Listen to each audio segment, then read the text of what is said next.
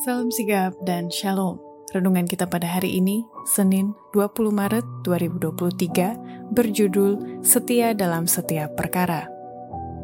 Ayat intinya terdapat di dalam ulangan 12 ayat 18. Tetapi di hadapan Tuhan Allahmu, haruslah engkau memakannya di tempat yang akan dipilih Tuhan Allahmu Engkau ini anakmu laki-laki, anakmu perempuan, hambamu laki-laki, dan hambamu perempuan, dan orang Lewi yang ada di dalam tempatmu, dan haruslah engkau bersukaria di hadapan Tuhan Allahmu, karena segala usahamu.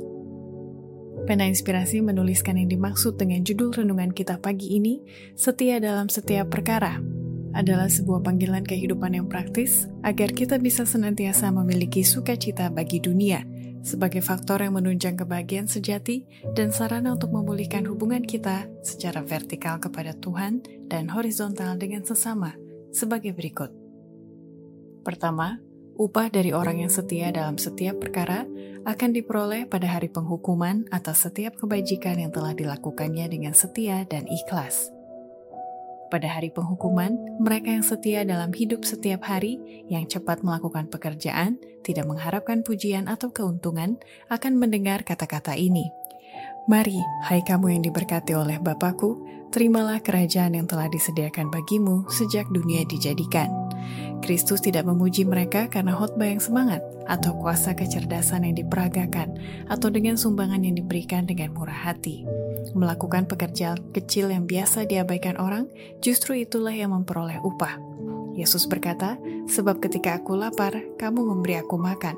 Sesungguhnya, segala sesuatu yang kamu lakukan untuk salah seorang dari saudaraku yang paling hina ini, kamu telah melakukannya untuk aku."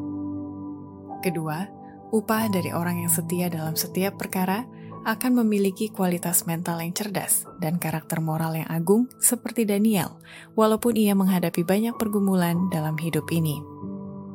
Tuhan akan bekerja sama dengan semua mereka yang tekun bergumul agar setia dalam pelayanan Allah, sebagaimana ia kerjasama dengan Daniel dan ketiga temannya. Kualitas mental yang cerdas dan karakter moral yang agung bukanlah terjadi secara kebetulan. Allah memberikan kesempatan-kesempatan, kemajuan tergantung atas cara mereka menggunakan kesempatan itu. Peluang yang disediakan harus cepat ditanggapi dan dimanfaatkan. Banyak yang dapat menjadi orang perkasa seperti Daniel, sekiranya mereka bergantung pada kasih karunia Allah untuk menjadi pemenang dan memperoleh kekuatan dan kecakapan dalam melakukan pekerjaan mereka.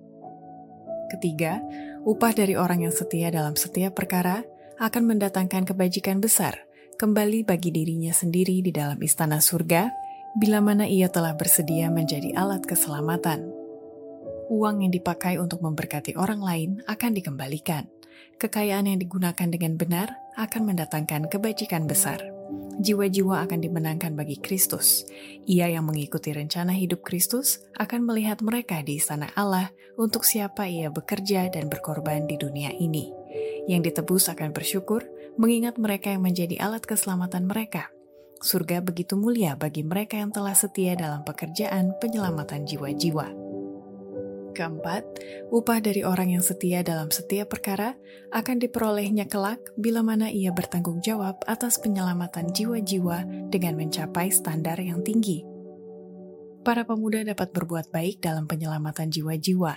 Allah menuntut mereka bertanggung jawab atas penggunaan talenta yang dipercayakan kepada mereka.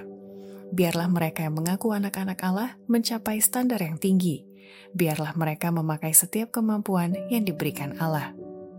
Demikianlah renungan kita pada hari ini. Kiranya Tuhan memberkati kita semua.